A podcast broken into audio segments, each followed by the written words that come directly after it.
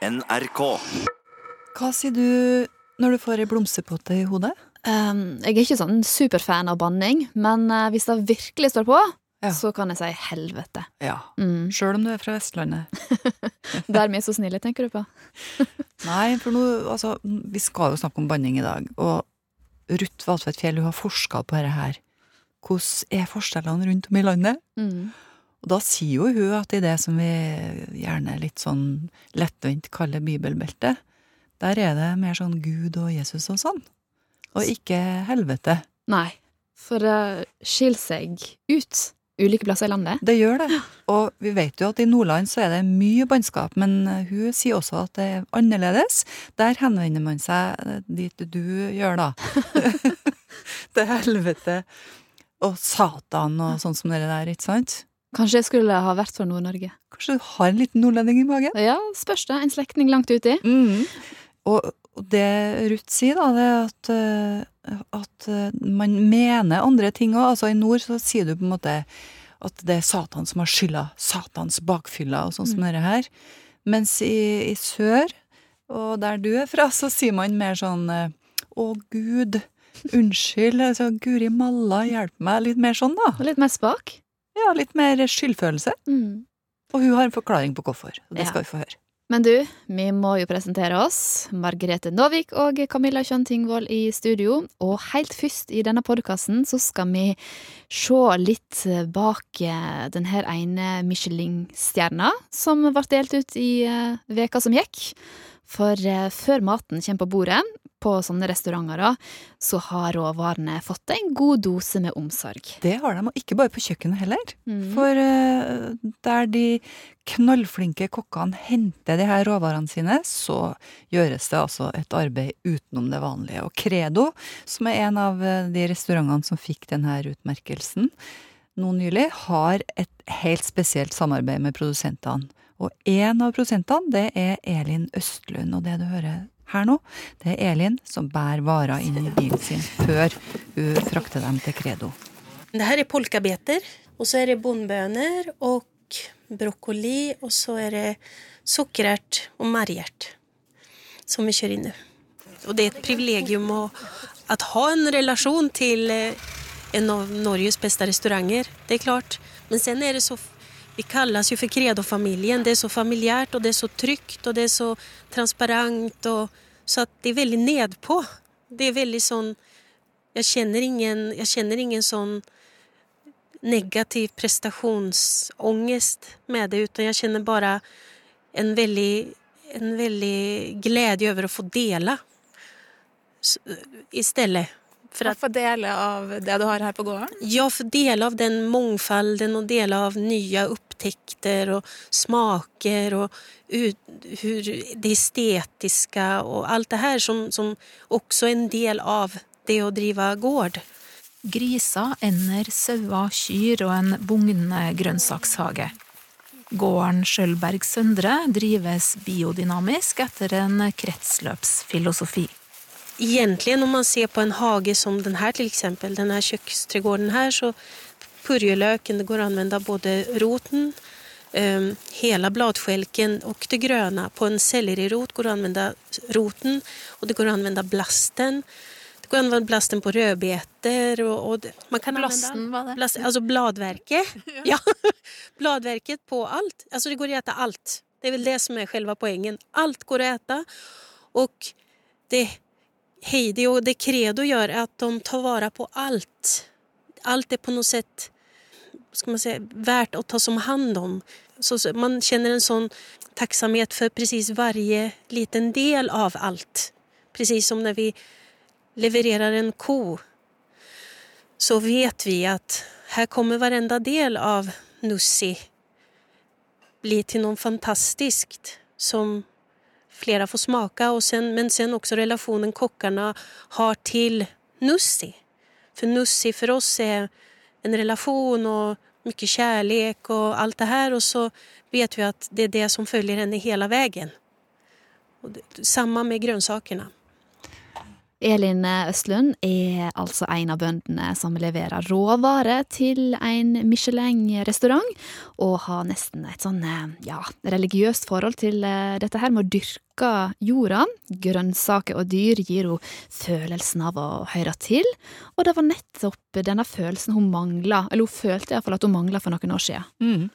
Hun har jo ikke hatt det så greit alltid, Elin. Hun har på en måte ikke passa inn i livet sitt tidligere, kan man kanskje si. Men nå er hun til stede nede på jorda, bokstavelig talt, da, der hun lever tett på planter og dyr. Mm, og her i samspill med naturen kjenner Elin at hun eh, hører til, og akkurat denne tilhørigheten gjør at um, hun kan leve med ei alvorlig psykisk liding. Elin Østlund henter en tom kasse for å høste fra grønnsakshagen på gården Skjølberg Søndre i Trøndelag. For 45-åringen betyr det å skape liv i jorda utrolig mye. Om jeg ikke er i det, er i det her sammenhenget, så tapper jeg mine røtter. Jeg forlorer meg selv veldig fort. Så for meg er det livsoppholdende å få, driv, få være i jorden og få være med, med djuren og få være i, i kretsløpet som er her på gården.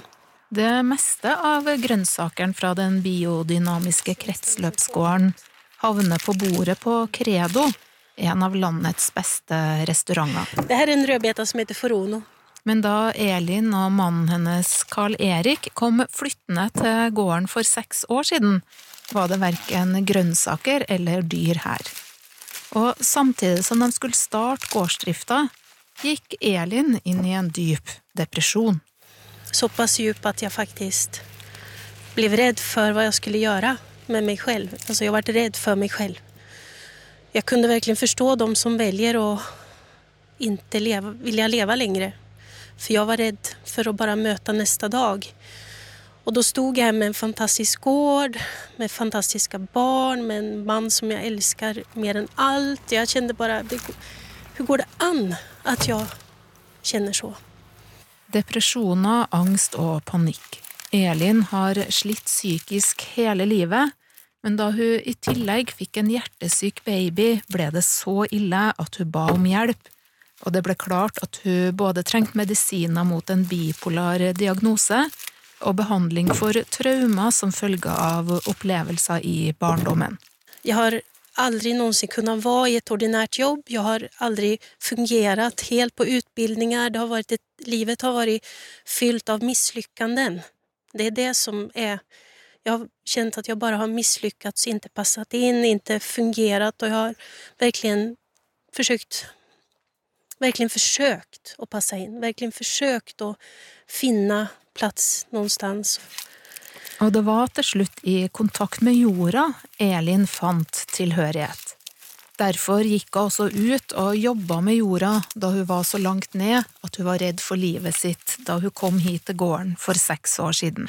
Betydninga av å jobbe med jorda forklarer sånn her. Man blir ikke vurdert, utan det er bare noe som, som gir tilbake en slags livsglede, uansett hvor bedrøvelig jeg kjenner meg selv. Det blir en sånn forelskelsekjensle og en slags eufori egentlig over, over å få være en del av et noe. Jeg er ikke en isolert kropp ja, hva skjer hvis du ikke får være i det, da? Nei, nå, da Nå har jeg jo kunnet fått jobbe nære det i mange år, men jeg vet jo hvordan det var innan jeg fant hjem til det.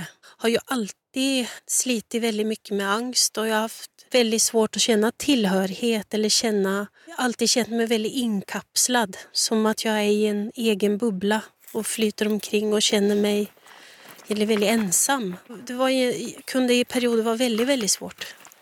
Astrid. Astrid er en av to griser på gården som Elin er på vei for å hilse på. Astrid. Det å være så tett på dyr og planter har også en religiøs dimensjon for Elin. Jeg, jeg går midt i skapelsen. Jeg, jeg står midt i paradiset. Og jeg takker hver dag for at jeg får være en del av det. Og det, det er klart at er det någonstans der man virkelig får en veldig nære relasjon til at eh, det fins noe annet enn det, bare det fysiska. Det kjennes inuti.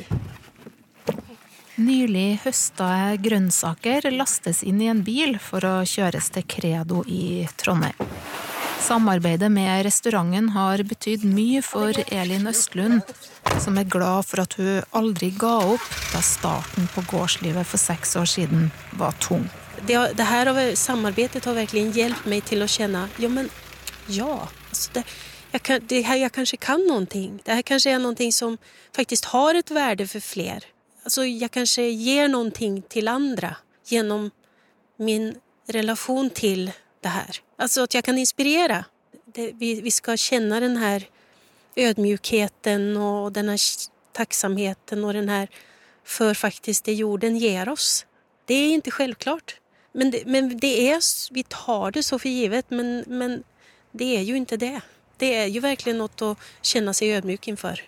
Ja, og hvis du vil spise grønnsaker og kanskje smake på et av dyra til Elin, så er altså adressen Trondheim og Credo den ene av byens restauranter som fikk en Michelin-stjerne denne uka her. De fikk eh, en stjerne for bærekraft også, en stjerne som Elin er ydmykt delaktig i da.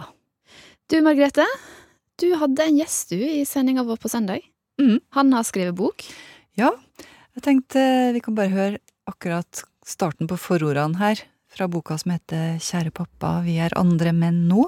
Her er han tilbake i barndomshjemmet sitt og tenker tilbake på barndommen. Her, i dette rommet, byssa han meg i søvn. Vekte meg da jeg blei skolegutt. Trøysta meg da jeg fikk kjærleikssorg i tenåra. Ennå kan jeg huske hvordan far min løfta meg opp, sa at det kom til å ordne seg. Far min sa ofte det. Kjartan Brygger Bjånesøy, hei. Hei, hei. Du har eh, skrevet bok om det å være sønn, og litt om det å være pappa, og ja, kanskje like mye om tida som går, eller hva sier du? Jo, jeg syns det var en uh, fin oppsummering. For det var litt ugreit det her, forstår jeg, å bli oppmerksom på at man ikke sånn uten videre hoppe fra timeteren lenger, og at det ikke er fullt så stilig med trange bukser. ja, men nå, jeg hopper fortsatt for timeteren. Jeg har Ja, ikke gjør slutta det, men, med det- men Men jeg det koster til litt mer. Ja. Det, det, det er akkurat det med timeteren er at jeg lagde meg et sånt ritual da jeg ble far for første gang. Så tenkte jeg at eh, fra nå av skal jeg hoppe en gang i året skal jeg hoppe for timeteren. For å ta vare på den unge faren jeg er. Nemlig. Og nå er det jo gått noen år, og det blir jo verre forferdelig dum eh, ritual jeg har lagt meg. For jeg vet at en dag så, så snur jeg. Eller kanskje ikke jeg går opp engang. Du er ikke helt Når er neste gang? Nei, det, nei jeg, jeg pleier å gjøre det i mai. da. I mai. Ja. Ja. skjelven i beina. men, men jeg er jo nødt til å gjøre det. Nå, jeg jeg har jo to barn som venter på at jeg skal hoppe. Ja. Ja, så enn en så lenge så, så skal det her gå bra. ja. Men plutselig en dag så snur du. Det er det som er liksom frykten. Ja. Ja. ja. Ja, og det, vi skal snakke litt om det her med å bli eldre. Du er ikke så veldig gammel, da, men født i 1971. ja. ja. Men, eh, men da har jeg lest boka di nå i helga. Gratulerer med den, forresten. Takk. Veldig fin bok. Fikk jeg inntrykk av at du på et vis måtte orientere deg på nytt da det var avslutning i barnehagen. Fortell om det. Nei, det var sånn lenge så hadde vi to barn i samme barnehage. En gulmalt liten barnehage med tre avdelinger som var Trollia, Soria Moria og Glassberget. Og Glassberg husker jeg det var for de største barna. Og da sønnen min begynte på Trollia, så tenkte jeg herregud, det er en evighet til han kommer til Glassberget. Og så fikk vi ei datter, og så på et tidspunkt så hadde vi jo to barn som gikk der i samme barnehage. Og så jeg husker spesielt det var en sånn morgen med slaps og vind og dårlig tid. Så gikk jeg inn den porten med de to. Begynte å regne på hvor mange ganger jeg skal gå inn og ut av denne porten før den yngste var ferdig. Og den tanken var sånn knapt å holde ut, for det var, det altså det var jo tusenvis av ganger. For da var jeg så lei av våte parkdresser og snørr og øyekatarr og bleie og lus og jeg vet ikke hva foreldremøter og sånne endeløse diskusjoner når skal vi se et kake eller fruktebursdag. Altså, det, var, det var så masse ting at jeg bare lengta at barnehagelivet skulle være over. Men så kom jo den dagen, sjølsagt, og det var, det var en juni. En dag i juni, og så trodde jeg det egentlig bare var å gå inn i barnehagen, den gule barnehagen, og tømme den blå boksen med skiftetøy og henta ei mappe med krusedulltegninger og løfta av den rosa ryggsekken og vandra lykkelig ut av barnehagen for en siste gang. Endelig. Endelig. Dagen jeg hadde sett fram til. Så sto jeg der, og så så jeg dattera mi springe for å si ha det til de ansatte. Jeg husker hun hadde på seg en hvit sommerkjole og knestrømper. Og så sto jeg rett oppå den med den rosa ryggsekken. Så jeg merka det. Nå, altså, nå begynner jeg å grine. grine. Og det kom så bardus på meg. Akkurat som det kom bardus på meg med at far min ble ramma av sykdom og tatt av alderdom. Men at det var jo sikkert ei sorg for at altså, ting går over før du aner det. Ja. Der Jeg kom den kanskje- første klisjeen. Ja, det er jo veldig klisjé. Jeg er jo en vandrende klisjé til tider. Ja, men blir det ikke litt sånn? Når du blir eldre, så blir liksom alle de her klisjeene Plutselig så forstår du dem. De blir sann. Ja, og det er nesten sånn at jeg vegrer meg av og til for til å si det, og i hvert fall å skrive de. Men så er det jo en grunn til at det er klisjeer. Det er jo fordi at det er sanne. Altså når du Jo, kanskje når du blir eldre, så oppdager du at det er jo masse i de tingene. Mm. Kommer du på flere? Eh, Tida går altfor fort. tida, tida går altfor fort. Sånn. Lev denne dagen som den Ja, var din in- siste. Ikke visste jeg at alle de dagene som kom og gikk, var sjølve livet. og Ja, dette her gir Du, det her kunne jeg holdt på med i evigheter. Men så er det jo sånn at da syns jeg det er fint med sånn tider. Det er jo kanskje det mest rettferdige vi har. Altså, Den går jo like fort for alle. Åh, ja. Så, så det er jo noe fint med fordi om jeg Mulig jeg er inne i noe sånn midtlivsgreier, men jeg syns jeg kunne godt tenkt meg at tida kunne stoppe litt opp akkurat nå. Ja, for nå er bra. Nå er det bra, men sånn tenkte jeg for ti år siden. Og jeg har det kanskje enda bedre nå enn for ti år siden. Men jeg har ofte vært sånn at nei, nå er det fint. Og jeg er veldig privilegert som kan si det sånn. Altså noen bare lengter jo videre eller blir ferdig med dette her, men jeg syns livet er veldig fint. Så jeg er så redd for hva som venter. Ja. Og så skjer det her at eh, foreldrene våre begynner å bli gamle. Forholdet til dem endrer seg kanskje, og kanskje du kan fortelle litt om din pappa? Hvem var han for deg? Eh, han har jo blitt endra fordi han har fått et slag, så han er eldrest og endrest. Og i, i den prosessen så har jo jeg òg blitt en annen mann. Og, og rollene våre har snudd seg litt. Han, far min har alltid vært en veldig sterk far, og, jeg tror mye av hans identitet har vært å, å bygge og fikse. Han har vært en mann som eh, har slitt ut veldig mange kjeledresser. Det har, har ikke jeg gjort. Nei. Han, er- han er jo en tidligere sjømann, og mye av livet hans, yrkesaktive liv, har vært å reise til sjøs. Han reiste han reiser ute til sjøs når han var 15 år, og da ble han vekke i 13 måneder. Og reiste utenriksfart. Så i min oppvekst var han ofte sånn at han var vekke en måned på havet, og så var han hjemme en måned. Mm. Og da var han veldig til stede, da, eller? Ja, sikkert mer til stede enn en del andre fedre. Og han eh, Jeg har en bunke med brev, for far min skrev masse brev når han var reist ute. Og da avsluttet han alltid å si at, eh, at han var glad i oss. Det var jo litt sjelden vare på Ja, 70-80-tallet. Men jeg eh, skulle bli ganske voksen før jeg skjønte at ikke, Sier ikke alle fedre til barna sine at de er glad i dem? Nei. Nei, de er jo ikke det. I ditt liv så skjedde at uh, din far forandra seg merkbart fordi han fikk et hjerneslag, og det takla ikke du så bra, kanskje? Eh, nei. Jeg var eh, eh, På et tidspunkt der så tror jeg jeg var en ganske dårlig sønn. Jeg ble veldig utålmodig og irritert. Du ville Og- ha han tilbake dit han var, liksom? Som den Ja, praktiske jeg tenker hele tida jeg vil, jeg vil uh, ha tilbake den som du var før. Og jeg klarer ikke helt å se deg den du er nå. Men heldigvis har jeg hatt litt kloke folk rundt meg som har korrigert meg.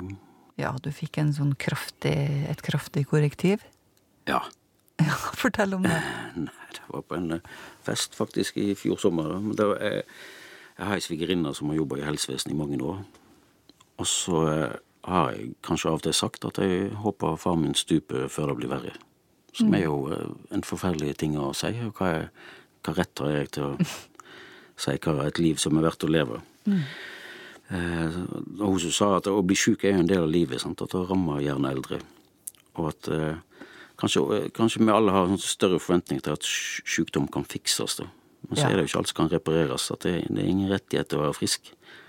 Nei, for du tenkte på det som, noe, som en sånn fase? Bare. Fase at han kan eh, ta seg sammen og bli frisk igjen. Ja. Og, og jeg ser jo hvor hårreisende eh, jeg var Men, men hva var det hun sa, sånn helt konkret? Nei, det er jo at, eh, at hun syns nok at både meg og brødrene mine har vært litt sånn for streng mot farvår, og at livet har forskjellige faser, og at eh, det handler om, om å akseptere at livet er et eh, blanda regnskap. Og at det ligger en sånn frihet i å akseptere at han ikke var som før. Hun hadde jo helt rett, selvfølgelig. Det er jeg som har tatt feil. Men tror du du har fått liksom, trena opp den muskelen der nå, så at du kan lettere akseptere at livet endrer seg? Ja, det er jo det jeg håper på. Men eh, jeg merker Jeg var jo nylig hjemme hos eh, foreldrene mine, og på veien hjem da, så tenkte jeg at nå skal jeg være tålmodig. Nå skal jeg lytte og ikke bli irritert på et høreapparat som piper i tide og utide. Og så går det bare et par timer før jeg tenker kan jeg ikke få orden på dette høreapparatet sitt, og må det gå så seint? Men, eh, men jeg tror jeg er blitt litt strengere med meg sjøl, at jeg tar det i meg. Så jeg, jeg håper at jeg har mer aksept for eh, ståa sånn som den er nå. da. Jo, jeg har det. Der jeg før kunne bli veldig irritert fordi at han gikk så fort ifra middagsbordet nå, så setter jeg jo mer pris på at den i hele tatt sitter med oss nå. Men tror du da uh, dermed at du kan, når den dagen kommer, akseptere at du ikke kan hoppe fra timeteren? Jeg ser ikke det helt for meg nå, men, jeg, men jeg ser med gru på den dagen jeg må snu opp trappa der, eller at jeg ikke tør å hoppe. Ja. Men, men det er lenge til. Men kanskje dagen etterpå? Er det greit? Jeg får håpe. Hva tror du dine unger tenker om deg om 30 år? Jeg, jeg har jo kanskje gjort det litt eh, vanskelig for meg sjøl nå, at nå har jeg lagd et sånt dokument eh, på hvordan far min er, og hvordan, hvor irritert jeg har vært over han. At han ikke tar tak i livet sitt. Men jeg har jo skjønt nå at han hadde kanskje ikke mulighet til det. Men hvis jeg en dag i framtida blir sittende framfor TV-en midt på formiddagen, så har de, kan du jo bare vise meg denne boka. Så kan jeg sparke deg litt på leggen. Meg, ja. Du virker jo veldig fornøyd med faren din. Ja. Han eh, Altså, selvsagt, han har hatt feil og mangler, han som mange andre, men eh, Men eh, vi er tre brødre som er helt enige om at han har, han har vært en god far. som Han har aldri gjort oss utrygge. Han har alltid fått oss til å føle at vi er gode nok. Aldri vært noe press om hva vi skulle bli. Og igjen, det er en sånn verdi som skulle bli godt voksen før jeg skjønte at det har gitt meg så masse. Jeg syns ikke det er så eh, Jeg må ikke her være sånn eh, sjølskrytete, men, men jeg syns ikke det er så vanskelig å være far. Fordi at jeg har hatt en god far sjøl. Og det er jo en, en fantastisk verdi. Jeg ser jo at det er mange som famler litt sånn, fordi at det, det, det er mange som er sinte på fedrene sine der ute. Og jeg er ikke sint på far min. Nei. Fordi at jeg, eh, han har vært en god sånn rollemodell, hvordan jeg sjøl har lyst til å være som far. Med noen justeringer. Jeg tenker at det er jo en veldig gave jeg har fått. Du er heldig. Mm, jeg er heldig. Kjartan Brygger Bjånesøy, vi må, må jo si at de her tankene og, og mange flere, de har du skrevet ned i boka di, som heter Kjære pappa, vi er andre menn nå. Tusen takk for at du kom hit og snakka med oss. Tusen takk for at jeg fikk komme. Ja, han er fornøyd med pappen sin. Kjartan Brygger eh, Bjånesøy har altså skrevet boka Kjære pappa, vi er andre menn nå. Og eh, ifra én pappa, holder på si, til eh, en annen pappa, Ove Gundersen. Han har vi hanka inn nå. For han har lyst til å snakke om ritual ved livets slutt, stemmer ikke det? Mm Hvor viktig er egentlig en begravelsesseremoni? Flere begravelsesbyråer tilbyr begravelsespakker uten seremoni, og dette for å kutte kostnadsnivået for gravferder. Men eh, mister vi ikke et viktig verdigrunnlag på veien når seremonien uteblir? Ja, det her eh, lå jeg hjemme i sofaen og hørte på på Dagsnytt 18 denne uka her. Mister vi noe hvis vi begraver våre kjære uten seremoni, spurte de der. Midt i denne sorgen over å ha mista en av sine nærmeste, som er vanskelig nok, så opplever mange også fortvilelse når regninga kommer i posten. Det er dyrt å begrave sine kjære, Ove. Ja, begravelsesbyråer de går noe mer aktivt ut og tilbyr eh, enklere begravelser. Altså et mer sånn type billigere alternativ uten, ja, uten seremoni. Det vil si at det blir uten sang, musikk, tale og minneord om den døde, da. Det som mange gjerne kaller for et sånt etterpålag. Det er det som ja, kan forsvinne, da. Ja, Hva blir alternativet? Ja, Helt enkelt sagt så blir det å få den døde i kisten så fort som mulig, og ned i jorden. Uten, uten denne rammen rundt, da. Og det her har altså du gått på gata og snakka med folk om. Ja, og det er et tema som eh, vekker en del følelser. For eh, det pirker jo borti dette her med menneskeverd. Hva er et menneske? Hva er det som gjør oss til et, til et menneske, da? Derfor så spurte jeg eh, rett og slett hva syns du om å begrave mennesker helt uten en seremoni? Jeg syns egentlig det er ganske forferdelig, fordi jeg syns det har noe med å få ta farvel på en verdig måte. Og, og det blir vel mer som når stygt sagt kaster hund i søpla når den er død. Så jeg er ikke noe tilhenger av det i hele tatt. Du er en forholdsvis eh, ung mann, da, så det er jo ikke, du har ikke tenkt å ligge i pennalet ennå, sannsynligvis. Men hadde du blitt lei deg hvis det ikke ble noen som arrangerte noe etter, etter at du var borte? Sånn teoretisk sett eh, Hvis folk er glad i meg, så håper jeg jo de tar farvel med meg. Så det ligger vel heller der det livet man har levd, vil jeg tro. Hadde du blitt litt trist hvis ikke dine pårørende ville arrangert noen ting? Bare liksom rett i kisten og rett i jorden? Jo, selvfølgelig. det hadde vært litt trist, kanskje. Ja. Nei, jeg, tror, jeg, har ikke tenkt så mye på det, men um, det, det, er naturlig at du ikke tenker så mye på det. Ja, ja. jeg tror kanskje det er fordi at man regner med at familien sier noen gode ord eller et eller annet. Men hvis de velger å ikke gjøre det, så blir jo ikke jeg lei meg for det. For jeg vet ikke, jeg er jo død.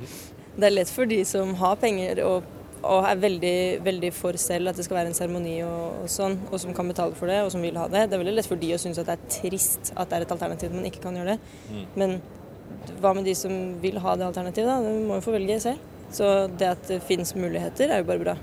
Hadde jo nettopp en eh, seremoni for faren min som uh, vi hadde en stille samling for jeg syns egentlig det er litt dårlig, dårlig informert. Dyrt er det òg. Så jeg skjønner jo hvorfor folk ikke vil ha så mye styr med det. Det er noen som bare vil gjøre seg ferdig med det. Men den stille seremonien rundt din far når han eh, gikk bort, da, det var et stort prosjekt? det? Nei, det var mindre enn en uke etter dødsfall og nærmeste familie. Det kan ikke være flere folk rundt omkring da som kjente din, din far, som ble litt jo. snytt, på en måte? Jo, men vi tenkte også å ha en minnestund i sommer, da fordi han har mye venner i utlandet og sånn. Vi har bodd i utlandet i over ti år, så da er det jo De må jo få muligheten til å komme, de òg. Selv om vi ikke er kristen, så hadde vi jo en prest som sa noen enkle ord. Eh, men det var ikke så veldig mye religiøs prat da.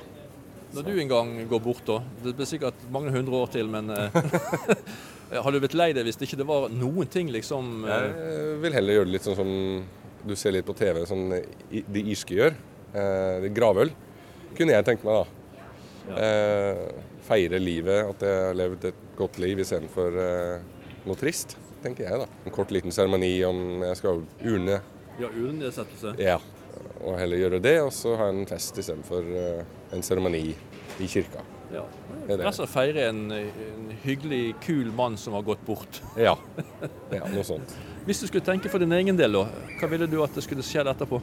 Godt spørsmål. Det er, en, det er på en måte en problemstilling jeg aldri har tenkt over.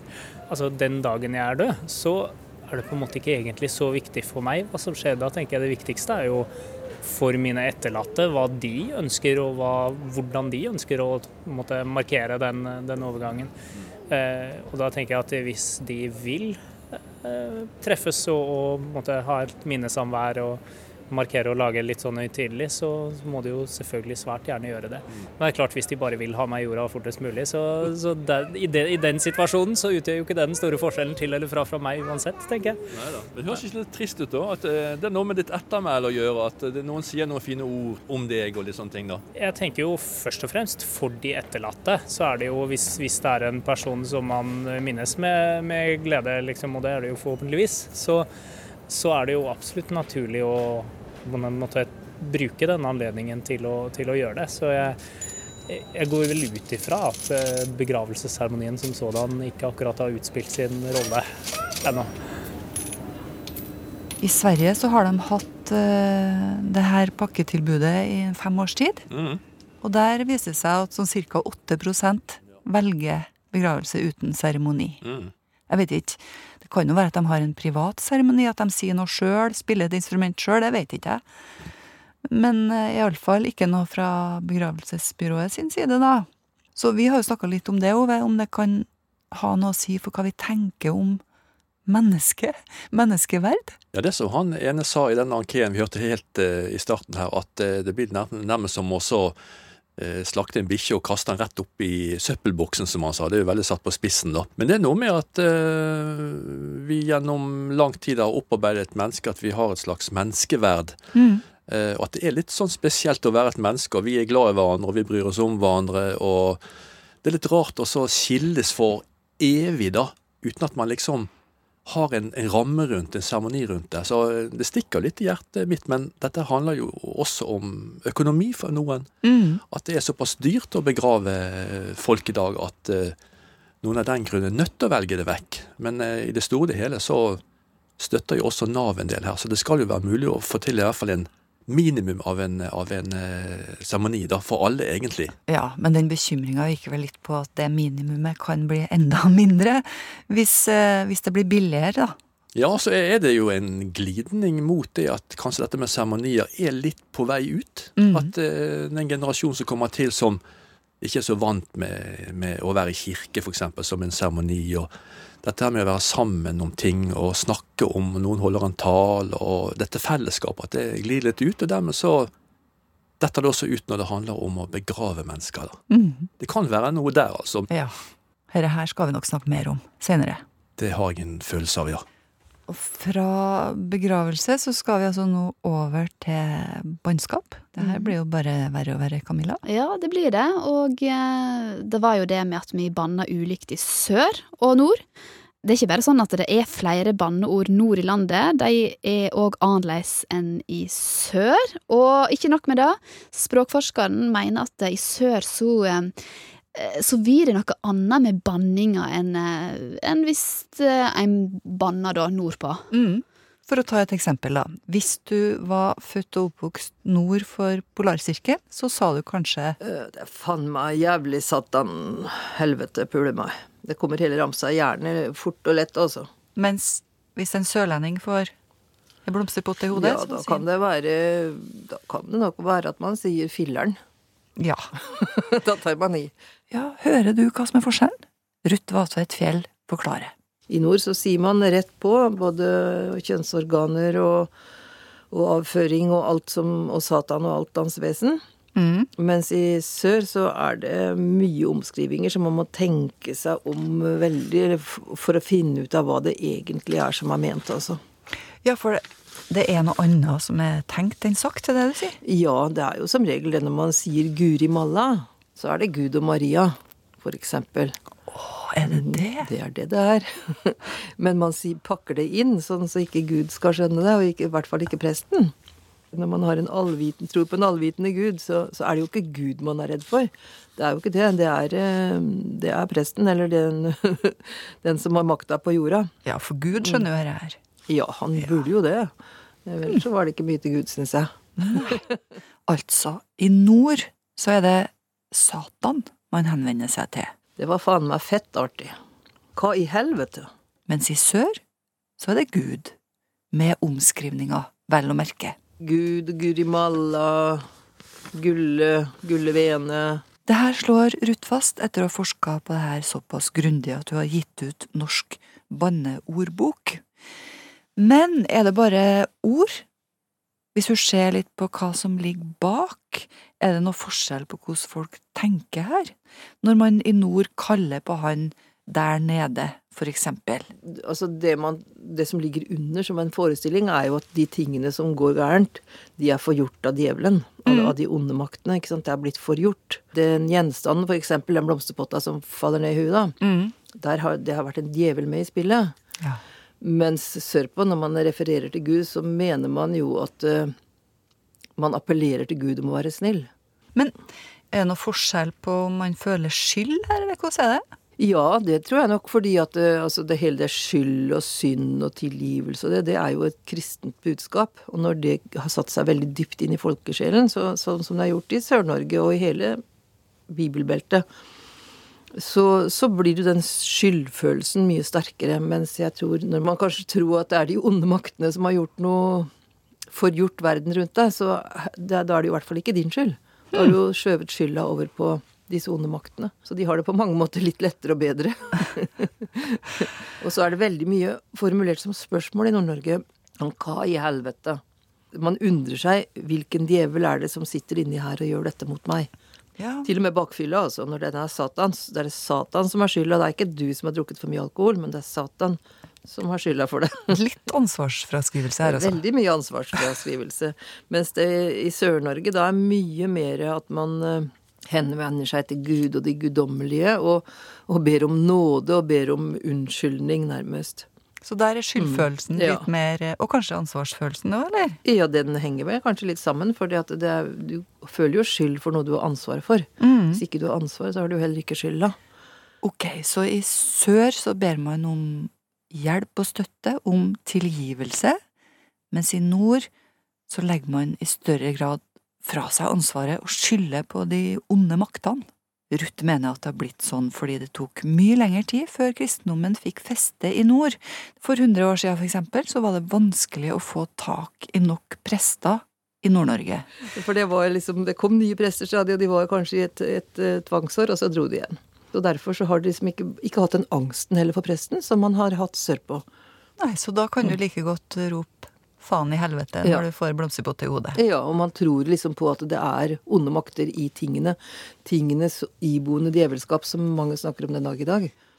Det er Ruth Vatvedt Fjell som sier dette, men ja, er ikke det litt løgete prestemangelen for eh, 100 år siden skal ha hatt noe å si for språket som vi bruker i dag, syns du ikke det? Du, det lurte jeg jo på. Så jeg snakka litt med henne om det, og så sier Ruth at 100 år, det er altså ingenting. Veldig kort tid for språket. Mm. Så må jeg si at Ruth har skrevet, Ruth Vatvedt Fjell har skrevet norsk banneordbok da, etter at du har forska på det her. Du, Camilla, du skal jo gå på ny sending på søndag. Ja, eh, vi lærer jo at eh, livet det er en slags sånn graf som, som bare skal gå oppover. Skal du skifte jobb, så må du skifte til en bedre jobb med høyere lønn. Så har du kanskje en plan om å få deg nyere bil, større hus osv. Men er det virkelig dette her som gjør oss mest lykkelige? Jeg skal snakke med et ektepar, jeg. Rebekka og Kristoffer, som har bytt ut eh, denne urbane leiligheten sin i Oslo sentrum med hytta ute i skogen. I, uten innlagt vann, med utedo. Det her tror jeg er en ganske vanlig drøm for tida. Det er kanskje det, og det er en av de som har bare sparka det i gang. Er modig. for jeg tenker liksom sånn, hva får de igjen av å leve sånn? Mm. Når de da gir slipp på en del verdier. Mm. Men så finner de òg andre verdier i skogen. Ja. Og kanskje får de øye på noe som var veldig bra i det forrige livet òg? Mm. Ja, det, det må jeg huske å spørre om. Jeg skal snakke med en som heter Yasin Adil, som arrangerer fest for Mohammed med unge mennesker eh, på søndagen. Og de skal snakke om den unge Mohammed, da, og jeg har lyst til å høre om hvorfor de ikke snakker om krigeren. Er det sånn at de ikke snakker om det? Er det litt sånn som blir dempa ned? Det kommer på søndagen. Mm. Og dette som vi snakker om nå, det kommer ut som podkast på neste mandag. Mm, det gjør det. Takk for oss. Ha det fint. Ha det.